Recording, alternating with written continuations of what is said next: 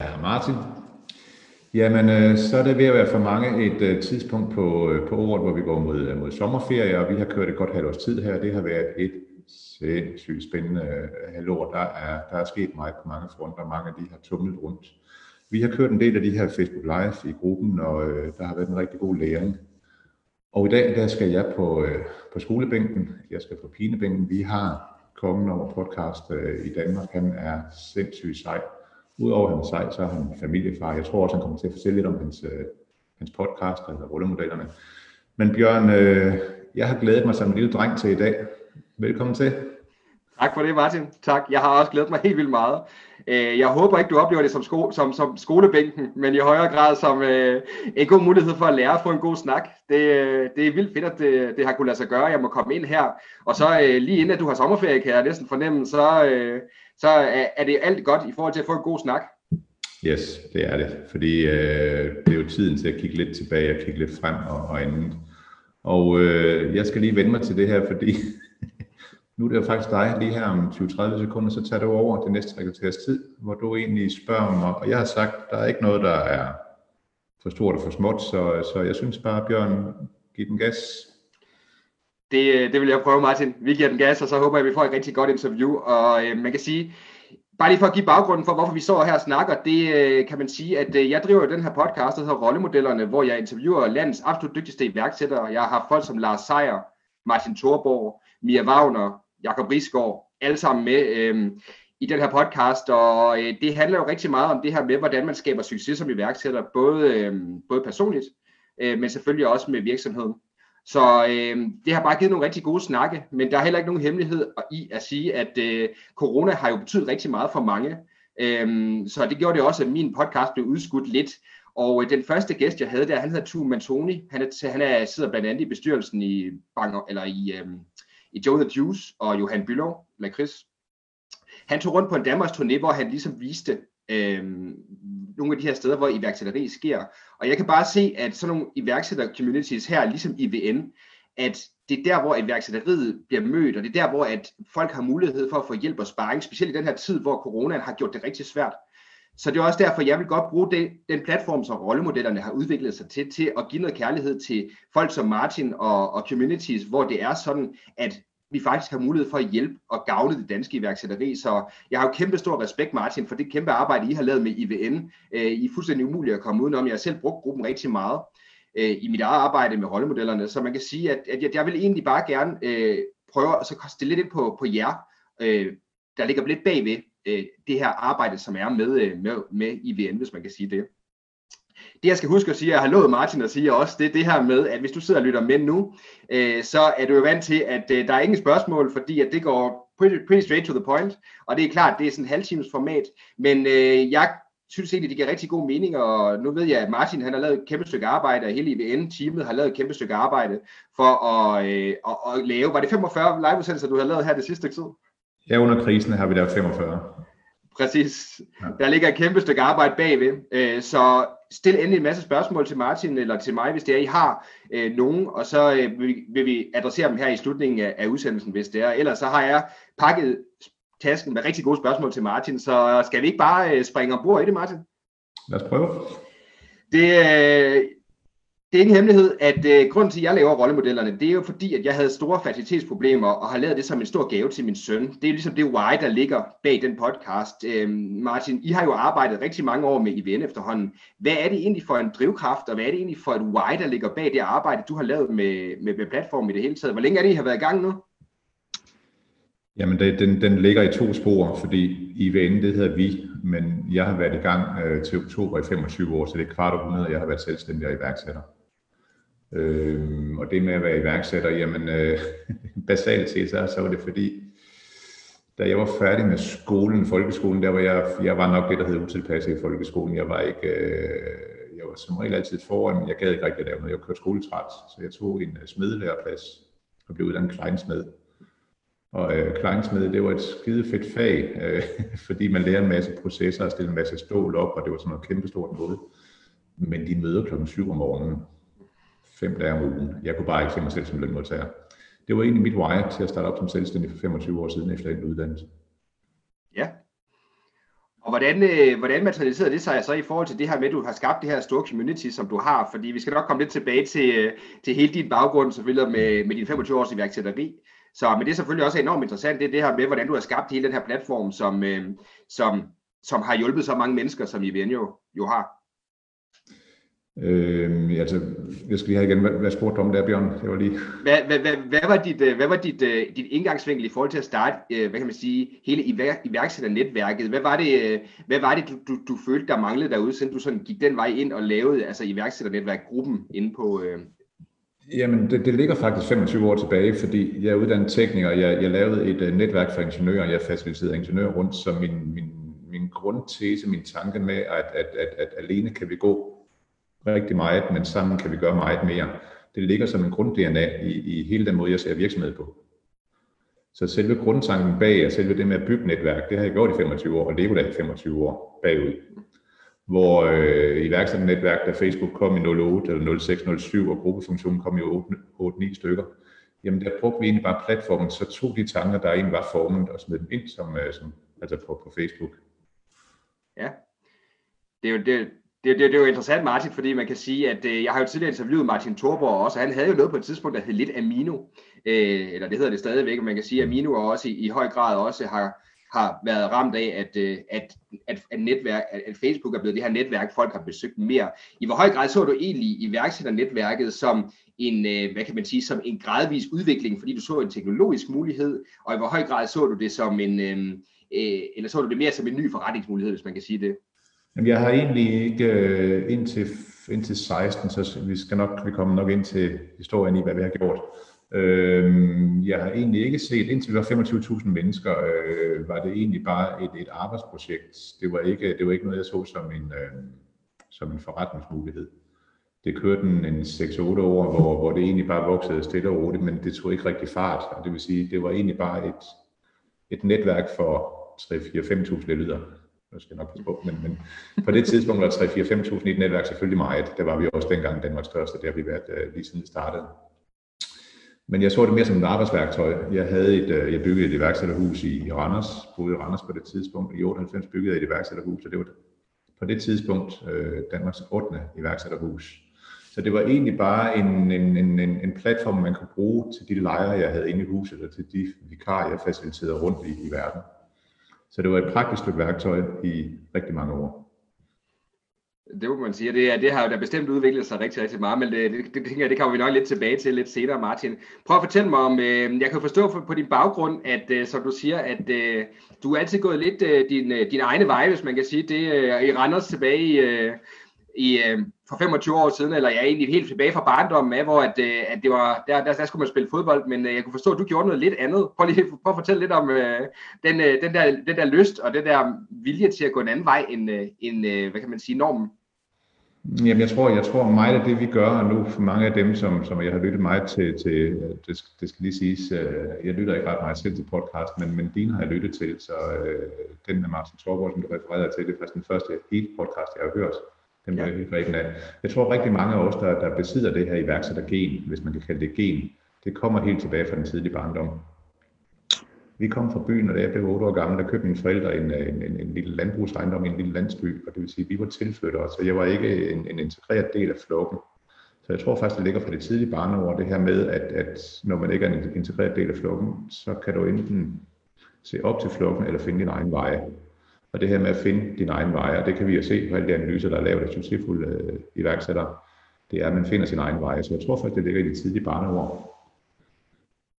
Ja, det, øh, det må man sige, og det, det er der i den grad også øh, det, der ligesom er sket. Hvordan, det, det er faktisk interessant, du siger det der med, fordi at, at det er jo egentlig et eller andet sted, så øhm, jeg øh, hørte en, en undersøgelse her i forhold til øhm, kvindelige iværksættere, og i hvor høj grad at kvinden, altså det, at du har haft en kvindelig rollemodel, du har set, der faktisk er stiftet virksomhed, egentlig har påvirket det, at kvinder går, vælger at gå selvstændige og blive iværksættere. Har du haft nogle øh, i dit nærmiljø, eller generelt sådan, som du har kunne se, der har, øh, der har fungeret som rollemodeller for dig i forhold til det her med at, at turde og skabe dine egne forretninger, hvis man kan sige det? Nej, da, da, da vi startede op, øh, da jeg startede op tilbage i sin tid, øh, ud fra tesen, at, at jeg kan ikke ret meget, jeg bliver nødt til at have andre med, så jeg har altid sørget for at få andre med og det hedder jo en et netværk, øh, og så egentlig en netværks, netværksbaseret forretning. Øh, I forhold til det at drive forretning har jeg egentlig ikke haft nogen rollemodeller. Altså, vi kom til et sted fra, hvor der var en tækkemand, og der var en erhvervsfisker og andet, men det var jo ikke, det hed ikke iværksætteri dengang, det hed egentlig bare selvstændige, og det gør det ja. så stadigvæk.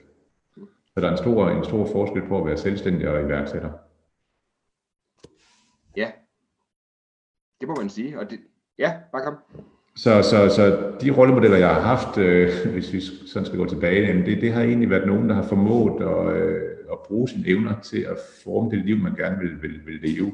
Ikke at lade andre forme ens liv i forhold til det jobmæssige og det personlige liv. Det har altid været, været en, en god rollemodel for mig. Ja. Det er faktisk et meget interessant, Det, det er et interessant svar det der, fordi at, at det er faktisk noget af det, som jeg har reflekteret meget over, at jeg har sådan, altså, og selvfølgelig også en af, en af baggrundene for, at jeg har lavet podcasten, er også, at jeg savnede lidt mere fokus på den her personlige rejse, der lå i iværksætteri. Hvordan oplever du egentlig det der med, oplever du det der med at, at være iværksætter og sætte ting i gang? Oplever du det som en, altså man kan sige, et, en personlig rejse mere end, end det egentlig er noget professionelt, du laver? I hvor høj grad ser du egentlig det som et håndværk, kontra det, at du egentlig er på en personlig rejse?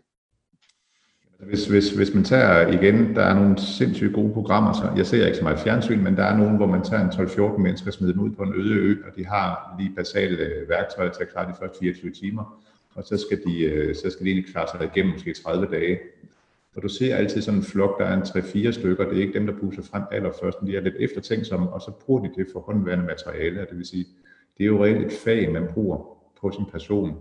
Og jeg ser, at det er, det er, det er at drive noget, der ikke er i forvejen, det er jo egentlig at bruge de forhåndværende søvnsprincip og få det sat sammen, altså connecting the, the dots, sætte dem sammen på en måde, der ikke er set før. Og der har du jo kimen til iværksætteri. Så hvis du både har en person, der er utilpasset, det var jeg, øh, som egentlig er videbegærlig, søger, søger og suger viden. Jeg har altid læst tre fire bøger ad gangen, øh, og det er jo lidt usædvanligt, da, da jeg stod i smedelærer, så sad jeg i, øh, i en mandskabsvogn, og de andre læste ekstrablad. Jeg sad og læste Nietzsche og Freud. jeg ved ikke, om du kan forestille hvordan den mobning så, så var på det tidspunkt som 16-årig. Det, det, det gav du gode snakke, kunne jeg forestille mig. I, uh, ja, men det gjorde faktisk også, at jeg blev skubbet lidt til side i forhold til de andre, fordi jeg vidste ikke, om jeg spillede fodbold om søndagen. Det ved jeg faktisk stadigvæk ikke. Øh, jeg har stor respekt for det fællesskab, man har omkring det. Det er bare ikke en del af det fællesskab, jeg er omkring. Og så bliver man nødt til at gå andre veje. Og det er jo der kimen til iværksætter DNA, den opstår. Ja. Ja, for, for lad os prøve at snakke lidt om det, fordi det er også et eller andet sted, så er det jo, øh, så er det jo interessant det der med, lige præcis det der med, at, at du har været så, øh, så bevidst omkring, at du egentlig gerne vil søge hjælp fra andre osv., fordi det er også noget af det, jeg egentlig meget oplever, både i forhold til de iværksættere, jeg snakker med, men selvfølgelig også en del af de rollemodeller, jeg interviewer i podcasten, det her med, at den her vej at gå som iværksætter og selvstændig, kan være en ensom vej, hvor at øh, du ofte står med en med stor usikkerhed selv, og der er ikke nogen, der kan hjælpe dig, der er ikke nogen, der kan, der er ikke nogen, der kan, kan give dig gode råd, fordi de fleste, de, de, de, de fleste tænker jo som de fleste, og handler jo som de fleste, som du også siger. Så der er ikke rigtig nogen, der, kan, der, der vil kunne sige, jamen i den her situation, Martin, der skal gøre det. Hvordan har det været i forhold til din, altså du har været selvstændig i 25 år, hvordan har det været det her med at så øh, at opsøge og, og hvad kan man sige, og, og spare og vidensdele med andre. Det er jo kimen til hele iværksætternetværk, øh, det her med at vidensdele og spare. Men hvordan har du egentlig selv gjort det, før der var et iværksætternetværk? Ja, jeg, da jeg startede virksomhed, så tog jeg bare derud af og havde mange ansatte det første år, og året efter havde jeg ikke ret mange ansatte, og så fik jeg en partner ind og fandt ud af det der med at være ung og iværksætter. Jamen det er fint nok, men du skal have noget moden erfaring ind. Så jeg fik en øh, økonomichef ind som, øh, som partner, og øh, det første han gjorde, det var at krybe mig op ad væggen, og så få mig til at nedskrive 10 værdier, altså det værdisæt, som jeg på det tidspunkt bestod af. Og det, det var primært et af de her værdisæt, som jeg stadigvæk lever efter, det er, man er ikke noget uden andre. Øh, og det er jo igen, det er jo kimen til netværk, og kimen til netværk, det er jo også kimen til at gøre noget i fælles flok. Så det er, det er noget af det, der ligger bag, bag, bagved. Øhm, og det er grund, grund-DNA'en i, i den måde, jeg ser verden på. Er det ikke det der afrikanske mundheld, der siger, at øh, hvis du vil være hurtig, så skal du gå selv, eller hvis du vil langt, så skal du gå sammen med andre? Er det ikke sådan, den er? Jo, det kunne godt være. Der er skrevet, meget, der er skrevet mange, mange bøger omkring de emner her. Øh, jo, det er rigtigt. Martin, du snakker jo lidt om bøger, og øh, det er jo øh, noget af det, som jeg også personligt selv øh, brænder rigtig, rigtig meget for. Øh, nu har jeg lige fået Mofibo ombord som sponsor, så det er også noget, der naturligt godt kan lide at snakke om. Men øh, der er så vanvittigt meget godt iværksætterlitteratur, og der er jo så vanvittigt mange gode bøger, øh, så det kunne vi sikkert øh, bruge et par timer om sammen, øh, tænker jeg. Men hvis nu vi skal give vores lyttere, der, eller seere, hvad der sidder i dag her i iværksætternetværket, så ser den her et par gode anbefalinger med i forhold til helt konkrete ting, de kan tage. Jeg kan skyde ind med en bagefter, men har du et par stykker, du vil sætte i deres retning? Ja, øh, og så kan det godt være, at jeg snyder dig lidt, fordi jeg har faktisk aldrig læst noget iværksætterlitteratur. Nej. Øh, jeg havde en, en, en snak med en, øh, det var omkring influencer marketing, og hendes, øh, hun er ved at lave en PhD. Var Foucault, en fransk filosof, øh, som forsker imellem, hvor er, øh, hvor, er, hvor er grænsen mellem det personlige brand og et kommersielt brand. Og hun tager på det med udgangspunkt i en filosof, der, der er født for 150 år siden. Mm. Øh, det jeg selv har fået meget inspiration fra, øh, den er udgivet som film også, det er, det er øh, omkring, øh, og det er, det er på den pæne måde, det er omkring, øh, nede omkring Sicilien, der er opstået nogle, øh, nogle organisationer, som, øh, som giver hinanden et tilbud, man ikke kan afslå. Øh, og det vil sige, det er mafia-litteratur. Det læste jeg rigtig, rigtig meget i mine øh, sene teenageår. Alt russisk mafia, øh, sydamerikansk mafia, japansk mafia, italiensk mafia, amerikansk mafia. Den her måde med at organisere sig på, til nogle små enheder, organisere sig, så kan du købe ind på en billigere måde. Øh, du kan også sælge på en anden måde. Og nu ved jeg godt, at mange tænker på mafian som et øh, kriminelt foretagende, men det var det jo reelt ikke i starten. Øh, vi har lidt det samme herhjemme. Vi har andelsbevægelsen, det vil sige mange små enheder, der køber ind, og det er jo sådan nogle forholdsvis store virksomheder, der, der, der reelt står på andelsbevægelsen i Danmark i dag. Der kan vi nævne øh, Coop, vi kan nævne øh, Kvickly, vi kan nævne Arla, Danish Crown. Så den her med, at man som små enheder går sammen, det har jeg læst rigtig meget om. Det er ret sjovt, du nævner det faktisk. Det, jeg har tidligere interviewet Thomas Bigum i øh, rollemodellerne også, og øh, det var faktisk, når han pegede på en, øh, en bog, som han vil anbefale. Jeg, jeg må indrømme, jeg er jo vant til at få mange af de anbefalinger, som ligger på faglitteratur, eller ligger på, på non-fiktion eller biografier. Mm. Øhm, Thomas, han, han, han anbefalede faktisk uh, The Godfather også, netop, uh, som også, uh, så... Ja. Ja. Det, det, så man kan sige, store, store hoveder tænker ens, eller hvad det, man siger. Det, uh, du er ikke den eneste, der, der, der finder inspiration i, uh, der finder inspiration i øh, de sicilianske øh, mafia. Øh, ja, hvad hedder det? Hvis jeg må lov til at komme med en enkelt også, øh, som, øh, hvad kan man sige, som også igen er lidt det der med, det er, det er heller ikke en iværksætterbog, men øh, den er enormt interessant, fordi det er en meget, meget, meget succesfuld iværksætter, der har skrevet den. Det er lidt en, det er lidt en, en selvbiografi, og så er det samtidig også lidt en, en, hvad kan man sige, en bog, hvor han beskriver sine principper. Det er Ray Dalio, øh, som har startet øh, verdens største hedgefond, øh, har skrevet en bog, der hedder Principles. Den er virkelig, virkelig god også, fordi den er ret nem at gå til. Det er nogle ret korte og ret to the point-agtige anbefalinger, den kommer med. Den er sindssygt god. Mm. Øh, der er også noget af det der med, at når det er, du, du laver en hedgefond, som er stor, øh, så skal du, så, og du skal have succes med det, så skal du kunne tænke hyperrationelt øh, på tidspunkter, hvor andre folk ikke gør det. Og på den måde, der nedfælder han i lige så høj grad hans eget system for, hvordan du, øh, når det er, at øh, apropos dig, når alle går A, så går du B hvordan er man faktisk skal holde sig i ro i, øh, i, de, her, øh, i de her tider, hvor at øh, tingene er meget, meget, øh, er meget kaotiske, som vi også lige har oplevet nu under, under corona og så videre. Ikke? Altså, jeg har en, en, en enkelt bog, den er en 15 år gammel, øh, og jeg har faktisk haft en ære at møde ham en, en enkelt gang på en, øh, sådan en, en, en, en, en, en lounge, øh, en hedder Tim Ferris, øh, der lavede noget, der hedder 4 timers arbejdsuge. Øh, og det er nok, hvis jeg skal fremhæve i forhold til iværksætteri, i forhold til det, jeg tænker på det er at lade være med at bruge tid på noget, der er unødvendigt. Sæt tingene i system og overskue det, inden du går i gang med det, og så finde ud af, hvad kan du outsource til andre. Øh, den faldt meget godt ind i, i min tråd, og det tror jeg kunne være en, en øjenåbner for rigtig mange. Fordi rigtig mange sidder og laver noget, der ikke er nyttigt i deres virksomheder. Ja. Så. ja det tror jeg, ja. Så jeg har, ja, det... faktisk, jeg har også læst, læst fagbøger, selvfølgelig har jeg det. Men, ja, men, men, men fire timers arbejdsuge er bestemt også en, øh, den, øh, den, den er blevet anbefalet rigtig mange også. Den er, det er en fantastisk bog også, og det er noget, som jeg tror mange, som du selv siger, iværksætter kunne lære, kunne lære en del af, i hvert fald altså finde ind til der, hvor, hvor er det, du skaber mest værdi i dit arbejde. Ja. Øh, og det tror jeg virkelig, det er noget, du som iværksætter har udfordringer med, fordi du vil gerne være nede i det hele. Øh, men det er bare ikke alt det, du laver og bruger dit tid på, som skaber, skaber mest mulig værdi for dig. Det lyder til også, at øh, det er noget af det, du også arbejder med i, øh, i, i alle de virksomheder, du har gang i, tænker jeg. Mm. Jo, altså det, det er jo at finde ud af, hvad, hvad især, når man bygger en organisation op, hvad er det, hvad især egentlig har et ansvar for at, at skal bruge energi på, så man ikke bruger energi på alt det støj, der ligger udenomkring, fordi sætter nogle medarbejdere til at arbejde 37 timer, så får de 37 timer til at, til at blive fyldt ud. Øhm, Og sådan er det jo. Ja. Det... Ja, bare kom. Ja.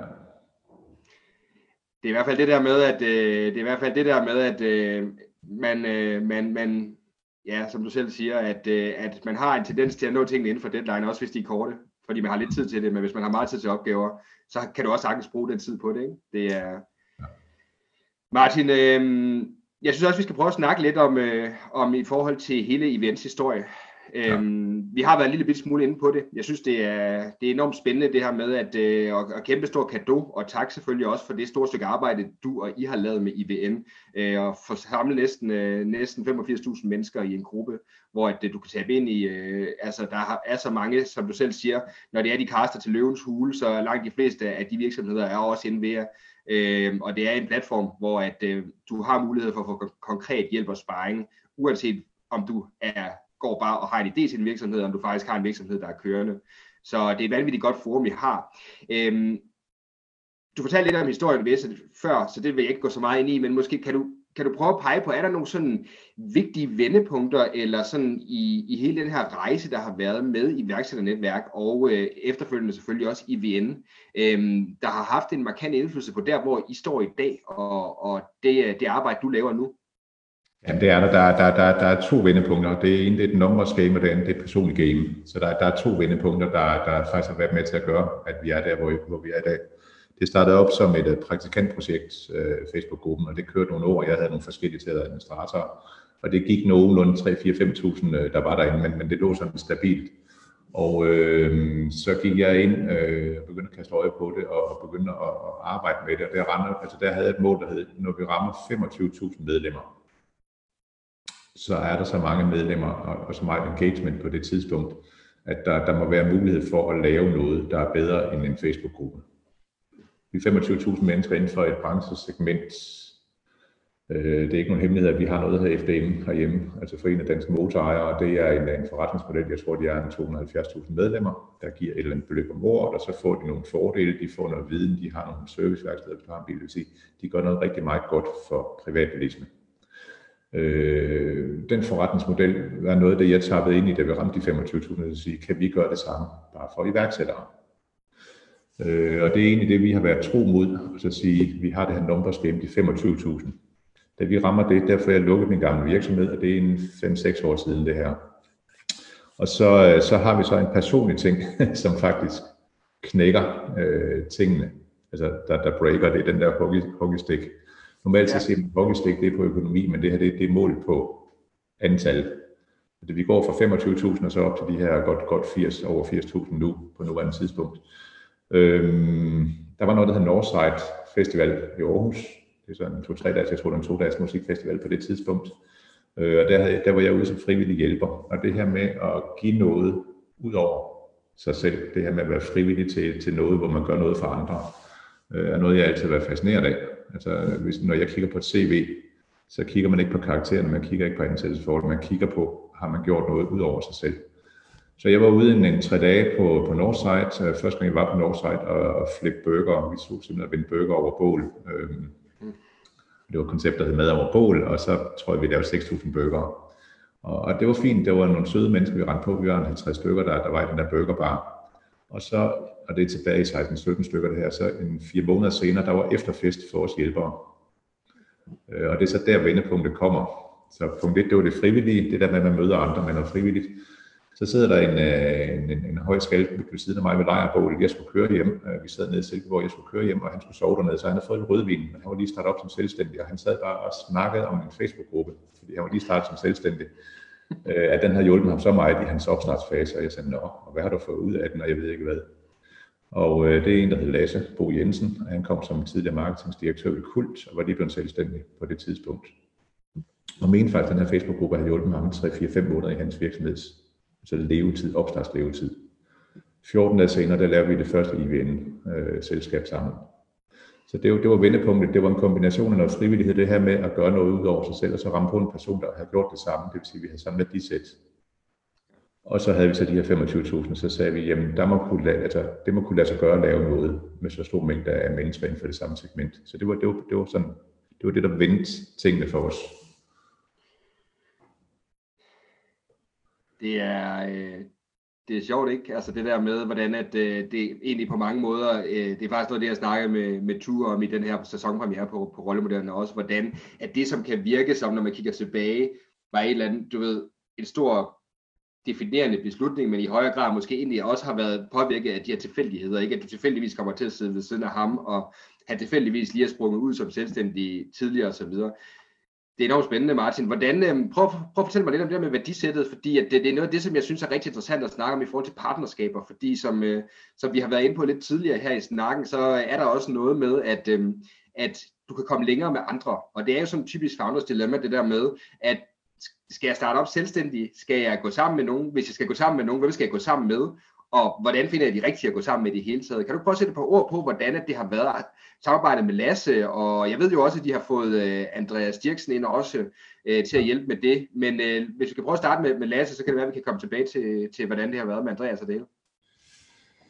Jamen, øh, bagudrettet, så øh, som jeg fortalte, det er, jeg er ikke, jeg er ikke den mest strukturerede person i verden. Øh, altså mit klædeskab, det ligger ikke sådan snorlige, det ligger, øh, jeg kan en gang imellem så rydder jeg op i det, sådan en rigtig Kaizen-metode. Jeg er uddannet tekniker, skal lige sige, så jeg, jeg, jeg er uddannet i produktionsteknologier, øh, det, det vil sige den her med at strømme sin proces og gå overskue sin proces og skære overflødet væk. Men jeg er, en, en, jeg er et skøvl til at holde orden i eget hus. Og øh, hvis jeg skal drive en virksomhed, så duer det ikke, hvis du ikke har styr på din, din tal, hvis du ikke har styr på din organisation. Så jeg bliver nødt til at partner op. Øh, og da jeg render på Lasse, jamen han er fuldstændig strømlignet. Han har styr på sin tal, han har styr på sin, øh, sin processer, øh, og er meget procesorienteret. Og det vil sige, så har vi lige pludselig et team, hvor der, hvor der er en, der flager til højre og venstre, og så er en, der i stedet for at vi tager ni eller ti forskellige ting, så tager vi én ting og gør det ordentligt. Og det tror jeg er for rigtig mange øh, startup virksomheder, der får succes, det er, at man har den mangfoldighed. Det kan du ikke have i én person. Øh, så det tror jeg, det er kimen til noget, der er større. Det er, at man finder noget, noget forskellighed.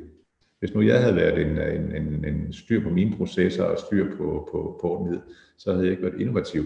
Fordi det er nogle svære egenskaber at have de to egenskaber i samme person. Jeg har ikke mødt ret mange, der har begge sider i hvert fald i samme person. Så så det er at finde, det er at finde forskellighed i den, man partner op med. Og så, og så når man så mødes i den forskellighed, når man så mødes der og er enige, så bliver det noget godt for andre. Det er faktisk interessant, at du siger det. Fordi at det, er netop, det, det er også noget af det, jeg hører lidt. Det, det er lidt en, lidt en myte i værksættermiljøet, det der med, at du skulle kunne det hele. Øh, faktisk, så, altså nu, jeg har jo været så heldig at interviewe mange af de aller, aller bedste. Mm. Og egentlig, hvis der er noget, jeg har bemærket, når der har været et fælles træk for dem, er ikke, at de er gode til alting. Det er, at de er gode til én ting, eller få ting, som de gør rigtig, rigtig meget. Øh, og det er ligesom, de fokuserer på deres forretning. Det er der, hvor værdien bliver skabt. Det er, fordi de har de superstyrker, som de sætter i spil, og så lader de andre folk gøre det andet. Ikke?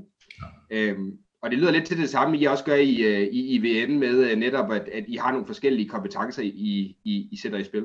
Ja, altså jeg, jeg, jeg må jo erkende, at det er jo, det er jo lidt med jysk beskedenhed, at, at, at jeg, er jo, jeg er jo forholdsvis god til at bygge community op. Øh, I hvert fald inden for det her segment, fordi der, der er jo ikke noget, der, der har været større i Danmark, end, end det vi har på nuværende tidspunkt. Så, så community, det er det, jeg kan. Og det kan jo godt være, at det er en af mine kompetencer, det er at forbinde de her mange tusind mennesker. ind i kimen til, at, at det er velkørende stadigvæk. Øh, Lasse han kan noget med, med markedsføring og branding. Det er hans, altså han, han sad i en uh, forholdsvis stor uh, ansvar uh, i den virksomhed, han var før, han startede selvstændig. Så vil sige, marketing, det er det, han kan finde ud af. Så vi har en community manager, det er mig. Vi har en, der kan noget marketing. Uh, det var sådan grundkimen i, i, i, i virksomheden. Ja, og så fik I jo abonnementskok med lige pludselig også. Ja, det, det, der, der, der, der, ligger, der, ligger lidt, der ligger lige en rejse op til det, fordi det er jo, det er jo nemt på sådan en tidslinje, så lige springe 3-4 år over. Uh, der sker ja. rigtig faktisk det, at vi, uh, da vi render på hinanden, så i bedste uh, engagementstil, og vi, vi, vi tror, at vi kan, vi kan udkonkurrere, altså vi, vi tror faktisk, at vi på et tidspunkt, vi kan lave et community på vores egen platform og øh, går faktisk i marken i, i 18 med en platform, og der blev vi nødt til at sige efter fire dage, at det ham der Mark Zuckerberg, han er for stærk. Vi kan ikke kæmpe mod community over på Facebook. Fordi min grundtese det er, at det vi har bygget op, hvis, hvis Facebook lukker i morgen af en eller anden årsag, eller hvis gruppen lukker, så er community væk. Det er meget, meget følsomt. Så i, i vores iver, og, og, og vi blev lidt fartblinde, vi troede faktisk, vi kunne bygge et community op, og vi kunne få folk over, gå fra Facebook og så over at være community over på vores egen platform. Det måtte vi droppe. Øh, og vi måtte skifte et par, par investorer på den bekostning også. Så det, det er jo altid en proces. Det er altid noget, der ligger bag ved uh, øh, iværksætterhistorie. Når man, når man snakker, så snakker du altid facader, og det ser flot ud udadvendt. Vi brugte tid på at skifte investorer. Og det er, det er en lidt længere proces. Men vi lander nogle søde, rare investorer. Vi har en bestyrelsesformand, der hedder Jonas, øh, som egentlig som vi er sindssygt glade for at have, fordi han følger med os på vores rejse, fordi vi hjælper så mange tusind iværksættere allerede inden vi har forretningen, og det er jo en sympatisk forretningscase at hjælpe rigtig mange. Så det her med at give noget til nogen, inden vi faktisk har forretningen, og så begynder vi at bygge forretningen op. Men da vi så finder ud af, at øh, i stedet for at bygge vores community, så vil vi lave en fordelsklub, altså lave en abonnementsforretning. Det har jeg ikke forstand på, det havde Lasse heller ikke, det havde vores investorer heller ikke, så ser vi, ser vi rundt i verden, hvem har egentlig styr på det? Og der, der var jo ikke andre end, end Andreas i Danmark. Øh, og historien med ham, det var, at øh, han var på vej til USA, og jeg ringede til ham, og så sagde vi, øh, vi har på det tidspunkt 70.000 iværksættere i Facebook-gruppe, vi skal have dem over på abonnement, vi skal have en fordelsklub, det er bare så godt. Og så sagde han, det har han ikke tid til. Så sendte jeg lige en sms til ham, og sagde, der er altså over 50.000 mennesker i gruppen. Så en 10 minutter senere sagde jeg skal være med. Så, så det er numbers game igen. Altså igen, det store antal, det gør rigtig meget. Og Andreas er en, en fuld partner på, på IVN i dag, øh, og investor. Ja. Vi bruger, vi bruger hans øh, mange, mange års erfaring omkring abonnement ind i forretningen. Ja, det så, det, så vi har et team, der hedder Community. Det er, det er ham, der snakker med nu. Vi har en, der kan noget med marketing, og vi har en, der, der kan noget med abonnement. Og nogle søde store, der bakker os op. Så det er et godt team, vi har bag, bag forretningen. Det lyder, som et, øh, det lyder som et rigtig godt team, og jeg vil i hvert fald også sige, når det er abonnementsvejen, man gerne vil gå, så er Andreas der i hvert fald øh, den helt rigtige mand at få fat i øh, på den front, må man sige, Martin det er også et eller andet sted, måske, måske skal vi så prøve at snakke lidt om det her med den værdiskabelse, der sker. Øh, fordi som du selv siger, det er et numbers game, men det, bag det ligger det jo selvfølgelig også det, I gør en forskel for rigtig mange mennesker, når der er så mange mennesker, øh, som på daglig basis interagerer ind i jeres gruppe, og du kan se, at folk får 15, 20, 25 svar, når de stiller egentlig også ofte måske endda nogle relativt øh, simple spørgsmål øh, omkring det. Kan du ikke prøve sådan, øh, nu, øh, nu igen, du har været på den her rejse sådan, øh, igennem ret lang tid, både med iværksætternetværket, men, men også som iværksætter i det hele taget. Hvad, gør der, hvad er det egentlig, du er mest stolt ved, ved der, hvor du står nu, i forhold til både iværksætternetværket, men måske også med din egen øh, iværksætterkarriere? Det er, der, der er to ting, der, der virkelig, når ugen den er gået, det er, hvis, hvis der er en, der, der, der sender en, jeg får en 40-50 messenger besked om dagen, det er, det er helt vildt så meget, øh, så meget jeg får. Øh, det, altså bare det at styre messenger beskeder, det er, det kan vi ikke, det kan vi ikke sætte i regnearket nu. Messenger er ikke så gode til det, men, men da vores grund-DNA øh, er Facebook, så, så kommer det meget over Messenger. Når der er en, altså, og det, og det kan godt være, at det virker lidt mærkeligt, når der er en, der skriver, jeg har faktisk fået så gode råd, så jeg skal ikke være iværksætter. Det er nok noget af det ypperste, hvor man har måske set det her gode tv-program Løvens Hule, man er blevet forblindet af, og man kan en hel masse, og man er parat til at sætte sin pension og sin formue i en virksomhed, hvor man så siger, nej, jeg har faktisk ikke det, der skal til. Jeg har ikke lyst til den rejse her. Det er faktisk noget af det, der berører mig rigtig meget, at vi faktisk kan få nogen til egentlig at sige, den drøm, man gerne vil udleve, det skal ikke være iværksætterrejsen. Det er noget af det, der, der, der printer sig meget. Dem får vi en, en gang imellem nogen af, også nogen, der har været i gang til at sige, mm, vi er på vej i en retning her, vi skal faktisk en anden retning. Øhm, fordi statistikken siger jo, at, at, at, at jeg tror, det er tre ud af fire virksomheder, der lukker inden for fem år. Hvis man kan sørge for, at folk ikke kommer i personlig gæld, eller sørge for, at folk de egentlig finder sin, sin drøm et andet sted end at være iværksætter, det, det er en god ting. Det er noget, der, der påvirker mig i hvert fald, når vi rammer det. Ja. Fordi det her med, yes, jeg fik øh, råd til et godt logo, der var blot. Ja, det, det er nu bare, det er jo ikke noget på livsværdi, fordi øh, jeg ved ikke med dig, Bjørn, med, med, med dit logo til rollemodellerne, jamen det er nok, det der rammes ud i dag, end det gjorde for tre år siden. Det er jo ikke det, der rykker dig på livet. Det er jo, at du bliver ved med din, med din podcast. Og noget af det, som, som for mig, der også rører mig dybt, det er, når vi har en iværksætter, som faktisk, og især i de her tider, siger, vi har faktisk fået mod til at blive ved, til at knække hjørnen, til at pivotere, til at ændre vores retning. Det er noget af det, der også berører mig rigtig meget, og dem har vi altså mange tusinder af om ugen, der gør det. Men, men især de der få, der siger, det her det er ikke for mig, det er et game, som jeg ikke vil ind i. Øh, og det tror jeg, det er meget, meget vigtigt, når man, når man, når man gerne vil i gang og fuldt at gå på mod, at det er ikke for alle. Og det er også, hvad kan man sige, det er jo lige præcis, øh, for mig i hvert fald, øh, hovedet på sømmet i, øh, i forhold til meget der, hvor vi står med iværksætteri lige nu, fordi at, at det er også noget af det, jeg snakker faktisk lidt med Lars Seier om det, da jeg interviewede ham, og jeg, jeg er helt enig i den betragtning, det her med, det er også, det at finde ud af, at det ikke er, er så enormt vigtigt, fordi vi må også bare huske på, at Altså, jeg har også interviewet Anders Kanberg, øh, som øh, er jo mister, mister journalist i forhold til iværksætteri i hvert fald, ja. og øh, med de seks hatte og så videre. Anders har jo været med på den rejse fra iværksætteri, var noget, hvor han ikke engang kunne få lov til at tage en dag ud af kalenderen på Berlingske, for at komme ud og dække det, for det var ikke nogen, der gad at høre noget om iværksætteri. Til, nu her, hvor vi står, ikke, hvor den, den sidste sæson af Løvens Hule var noget af det mest set, der overhovedet var på dansk tv. Ja. Øhm, og det er jo, i den rejse er jo fantastisk, fordi det er også noget af det, der er en af mine kæpheste, er jo lige præcis at få folk til at kunne øh, se det som et alternativ til, til den, den her lønmodtagervej, som vi danskere er pokkers gode til. Samtidig er, er flipsiden af det, som, også, øh, som han faktisk også sagde, Lars Seier, det her med, at det er, det på en eller anden måde lidt glorificeret, det her med, og så starte egen virksomhed. Og som du selv siger, det kan du også mærke på egen krop, det har jo ikke været nemt for dig. Det har jo været en lang og, og sej kamp, kunne jeg forestille mig. Og øh, det skal man bare være klar på. Og det er det der med, der er for mig, når jeg ser, øh, der er ikke noget mere heartbreaking, end når jeg ser nogle folk, der tager de forkerte beslutninger, og, øh, og, og, vælger for eksempel at gå ind i iværksætterrej, hvis de, hvis de dybest set ikke har, hvad der skal til, eller hvis ikke de har modet, øh, hvad kan man sige, de, de ikke har de livsomstændigheder, der er. Jeg kan huske, jeg har tidligere interviewet Jacob Risgaard, der var et, øh, et, hvor han havde det her program, der hed 365 dage til succes, som jeg synes var et pissegodt program, netop fordi, at det viste egentlig bare folk, der start, folk fra dag 1, og så viste det dem igen et år senere, og så, øh, og så så, hvordan det havde været, hvor man bare kunne se, at der i hvert fald en her fra et, øh, et fynsk øh, robotfirma, der skulle lave læringsrobotter, hvor man bare kunne se, at det knækkede fuldstændig sammen for den ene af partnerne i firmaet, fordi han, han de var blevet øh, far til nummer to og så videre også, ikke? Så det er enormt vigtigt det der med at have den her platform, hvor man møder folk i, i øjenhøjde, men faktisk også, som, du, som, som IVN lige præcis kan, give et realistisk billede af, hvad det kræves øh, som iværksætter. Ja, fordi øh, nu kæmper vi meget med, om Danmark skal være en iværksætternation, og jeg tror, vi skal lytte meget til, hvor vi er. Vi er, vi er altså for 200 år siden, så var vi en, øh, en bundet nation, så blev vi en industrination.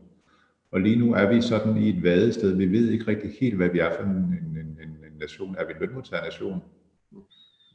Ja, de fleste er jo faktisk lønmodtagere, men, men er det reelt det, man gerne vil?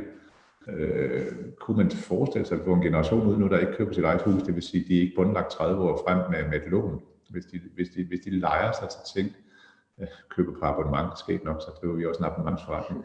Men i stedet for at, øh, at låse sig fast i 30 år, så bliver nødt til at få et job, men få lidt mere fleksible. Altså, jeg har lyst til at bo i vandet, lege et hus to år i vandet, og så flytte til byen, når du har lyst til det. Jeg kunne godt forestille mig, at vi får en generation eller to, der begynder at kigge på de muligheder. Og det gør jo så, at man kan blive freelancer. Så kan du lege dig selv ud, du kan, du kan tilbyde din kompetence til et projekt i halvanden år. Så kan du gå tilbage og blive lønmodtager, så kan du starte en virksomhed op sammen med tre andre. Så i stedet for det her med at være iværksætter resten af livet, men det bliver man sådan drøbvis. Det kunne jeg godt forestille mig, at vi, vi ser ind i et samfund, der, der, der bliver sådan. Og det tror jeg, den situation, vi sidder i nu, med at jamen, jeg behøver ikke fysisk at være til stede for at få en løn. Rigtig mange har fundet ud af det, har vi jo alle sammen, vi har siddet hjemme og arbejdet. Øh, hvorfor skulle man så som arbejdsgiver betale for et øh, fuldt kontorhold med opvarmning, kontorstol og kantineordning, hvis man måske 75% af tiden kunne lade folk være hjemme og passe deres børn og passe deres arbejde samtidig med. Så jeg tror, vi kommer til at se nogle ændringer, men det tager måske en generation ligesom at få det integreret. Og der tror jeg, at graden af iværksætteri vil, vil hæves. Måske ikke af, måske ikke af lyst, men mere af nød. Så at sige, jeg har ikke behov for at tjene 25.000 om måneden til min husleje. Jeg, jeg bor for 2.500 om måneden, og så behøver man ikke at arbejde så mange timer. Så er det faktisk råd til at lave et fritidsprojekt, bygge en lille webshop op, eller en podcast, Bjørn, som du er i gang med. Øhm, det tror jeg, øh, vi ser ind i. For en procentdel af danskerne. Ja, det vil stadigvæk være, det vil stadigvæk være det for de få, men det, det, det er enormt spændende faktisk, fordi det er også noget af det, jeg kan faktisk godt lide uh, Lars Tveder og Mads Fagerholdt i iværksætterbogen, hvordan de distancerer mellem det her med at være livsstilsiværksætter og være vækstiværksætter. Du snakkede tidligere om, hvordan i din barndomsby, der var nogle, de, de var selvstændige, men de var ikke iværksættere. Og det er lige så høj grad også det der med, det er i hvert fald den historie, der begynder at blive fortalt nu, som jeg synes er enormt spændende og relevant i forhold til der, hvor vi står lige nu med startup-miljøet, er jo netop det der med, at folk begynder at se, jamen det kan godt være, at altså, det er fordi, at erhvervspressen har været meget, der har man altid kigget på dem, der har lavet de store exits, øh, dem, der har frasolgt deres virksomheder og blevet mega rige på det. Og det er selvfølgelig også en noget, iværksætteri kan, men i lige så høj grad, så kan iværksætteri jo også bare give dig den livsstil, du gerne vil have, som du, som du også er inde på. Så det er ikke, du ikke ser det som et middel til at blive rig, så du kan slappe af og, og nyde livet på en strand på Mallorca. Det er sjovt, det er der ikke nogen af de, de succesfulde iværksættere, jeg har snakket med, der gør. De, de gør det, altså de, de, de, de, øh, de driver deres virksomhed, fordi de elsker det. Men i lige så høj grad, øh, og så se det bare som, at jamen, du har den frihed, du har i dit arbejdsliv, og du kan få det til at hænge sammen med, øh, med familie og børn og alt det andet. Og det er i hvert fald den fortælling, der begynder at komme mere og mere frem af nu her med mange digitale nomader og så videre. Og det, der, der, der tror jeg, du er 100% ret, at det er forhåbentlig noget, som folk begynder at se meget mere som et alternativ til, øh, til at være almindelige lønmodtagere. Det er, det er lidt modsætningsfyldt, Bjørn, fordi øh, når, vi, når vi indretter vores system, altså vores, vores system, så er det primært indrettet til forholdsvis store virksomheder. Hvis man ser på EU-fonder og andet, der uddeler gode midler, så går hovedparten til store virksomheder. Og det, det, det vil sige, det, det, er jo, det, er jo en, det, er jo, det er jo et godstog, der kører, og det kan vi ikke rigtig ændre på. Men ser vi på mængden af lønansatte, så mængden af lønansatte er i små virksomheder, altså SMV-virksomheder op til 25 ansatte. Det er jo det, mængden af lønansatte er. Så hvis man på en eller anden måde kunne sige, og det tager jo nogle generationer for, for, for, for, for ligesom merge de to ting sammen, og så sige, når mængden af lønansatte er i små virksomheder, hvordan kan det så være, at de ikke får fondsmidler i samme, i samme grad? Øh, det er en helt anden diskussion, det ved jeg godt, men, men, men, men, men i stedet for at så sprokse over, at der ikke er flere værktøjer, så sige, at vi skal være glade med det lønmodtagersamfund, vi har, fordi 4 ud af 15 lukker inden for 5 år af dem, der starter op. Det er faktum. Der er ikke noget at gøre. Vi har jo et sindssygt godt sikkerhedsnet, det vil sige, du går ikke fra hus og hjem, hvis du har prøvet at være selvstændig i 3 år. Det kan godt være, at du går konkurs, men du kan rejse dig igen. Det kan du ikke gøre i Sydafrika. Går du konkurs, så går du helt på, på røven dernede. Det gør du ikke herhjemme. Så, vi, så jeg synes, vi skal omfavne vores lønmodtagersamfund og være rigtig glade for det. Til at sige, den lille procentdel, der så vælger iværksættervejen, vi har det jo rigtig godt. Det er jo et tabu at så sige, at når man er, når man er iværksætter og selvstændig, vi har drøntravlt, men vi sidder også på caféen tirsdag formiddag, eller løber en tur torsdag eftermiddag. Eller henter børnene tidligt fredag eftermiddag, fordi det, vi kan passe det ind. Øh, så jeg synes, vi skal tage det positive historie, altså det vi har reelt, og så gøre mere ved det, i stedet for at brokse over, at det er for dårligt. Det, øh, det, det, det er 100% enig i Martin, og det sjove er faktisk også, at den øh, sæsonpremiere på rollemodellen, der har jeg jo Tuma Toni med, og han siger nemlig også det her med, jamen han har jo også haft en, en stor erhvervskarriere øh, med, med virkelig vigtige titler, men han kunne, det betød egentlig også, at han kunne sidde og have det sådan lidt halvdårligt, når han for eksempel løb en tur øh, i skoven øh, tirsdag middag, ikke? fordi jamen, tror, hvad, hvad, hvad, tror folk ikke, at jeg ikke kan få et arbejde og sådan nogle ting der, ikke? Og jeg tror 100% det er vigtigt med, at vi i hvert fald begynder så forhåbentlig på baggrund af corona, hvis man skal sætte noget positivt med fra den her svære tid, vi alle sammen har været igennem, at man så i hvert fald kigger på, at, øh, at, at man i højere grad vil kunne have et fleksibelt arbejdsliv, der, der passer på, øh, på det, det liv, vi gerne vil leve et eller andet sted. Ikke? Så Martin, øh, jeg kan se, at I er selvfølgelig alle sammen velkommen til at stille spørgsmål stadigvæk. Øh, det, tiden flyver jo afsted, så øh, jeg kan i hvert fald se, så vidt jeg kan se, at der ikke kommer nogen spørgsmål endnu. Så øh, jeg har et, øh, som plejer at øh, være rigtig godt i forhold til podcasten, som jeg selvfølgelig også gerne vil stille dig. Det er jo meget, meget oplagt. Det er det her med, hvis Martin, du, du kunne hoppe ind i en tidsmaskine og hoppe tilbage til for 25 år siden, hvor du startede dit egen iværksætterrejse, øhm, og du skulle give dig selv to til tre gode råd i forhold til at få en bedre, eller en rarere, eller en sjovere, øh, federe iværksætterrejse, man kan sige det. Hvilke, hvilke råd vil du så give dig selv, tror du? Øhm Jamen, øh, det, det kan godt være, at, at, at, at jeg tog nogle markante valg, dengang jeg startede virksomhed. Jeg har aldrig haft øh, som mit eget skrivebord i egen virksomhed. Øh, jeg skulle nok have, have delt lidt mere ud af andelen i virksomheden til, til partnerne, så det egentlig styrede den mere, end jeg gjorde. Øh, det her med at være, være ydmyg over for at få nogle ressourcepersoner ind og hjælpe en meget, meget, meget tidligt. Øh, det her med at være, ikke, ikke at være nervøs, det her med at sidde og, øh, og egentlig, uh, egentlig kunne styre og bestemme, det er lidt mere ud af det noget tidligere i processen. Oftest, og det, det, det nu taler jeg ud af egen erfaring, det er, at man deler først ud, når man ikke kan, kan overskue tingene. Det skal man lige gøre et halvt skridt før. Det er i hvert fald min, min erfaring. Så det vil sige, hvis du går ind i noget, der er komplekst, sørg for at have nogle mentorer, nogle coaches, nogle øh, erfarne personer omkring dig, før det er nødvendigt. Fordi når det først er nødvendigt, så har du ikke tid til at sidde og bruge tid sammen med dem. Det, det er nok øh, det, jeg sådan, altså lige et halvt skridt før, end man gør det. Det vil sige, hvis man skal ud og løbe, øh, løbe et halvmarathon, sørg for at træne op to år, før du sætter det første mål med en løbetur. Det samme med at, at få noget hjælp ind i din virksomhed så tidligt som muligt. Ja. Lad os, det, er godt, det er godt råd. Lad os lige prøve at starte lidt mere konkret om det, for det synes jeg er enormt spændende, at du sådan øh, egentlig siger det, fordi det er jo heller ingen tvivl om, at, at, rollemodellerne er også bygget på det her med, at vi kan lære rigtig meget fra andre mennesker. Øh, det giver sig selv, at det er Martin Thorborg eller Lars Seier eller nogle af de andre, jeg har interviewet, kan du ikke bare lige ringe til og øh, spørge, hey, kan du ikke lige hjælpe mig med min forretning? Så derfor er man også siddet et eller andet sted for de her interviews, altså tage de ting, som, øh, som de siger, og selv integrere i sit eget liv. Men så er det helt konkret, øh, fordi at der er jo forskellige måder at gøre det på. Du ved, du kan hyre freelancer ind, eller du kan hyre, hyre øh, medarbejdere ind, der kan hjælpe dig med nogle af de ting, afdække nogle af dine egne svage sider, som vi også snakkede om lidt tidligere, som er enormt vigtigt øh, for at lykkes med det her. Du kan også få nogle øh, investorer eller andet ind, der simpelthen har nogle smart monies, der kan hjælpe dig, når det er sådan, du står hvad vil din anbefaling egentlig være der? Fordi det er jo heller ikke nogen hemmelighed, at øh, det ved vi i hvert fald fra en, en masse af de her cases med virksomheder, når det er, du tager investorer og afgiver ejerskab af din virksomhed, så tager du også en risici i forbund, for, forbindelse med, at, øh, at potentielt, at du kan øh, risikere, at du ikke selv kan gå den retning, du har lyst til længere, hvor du er, er lidt tunget i en anden retning. Hvad er dine tanker egentlig om det?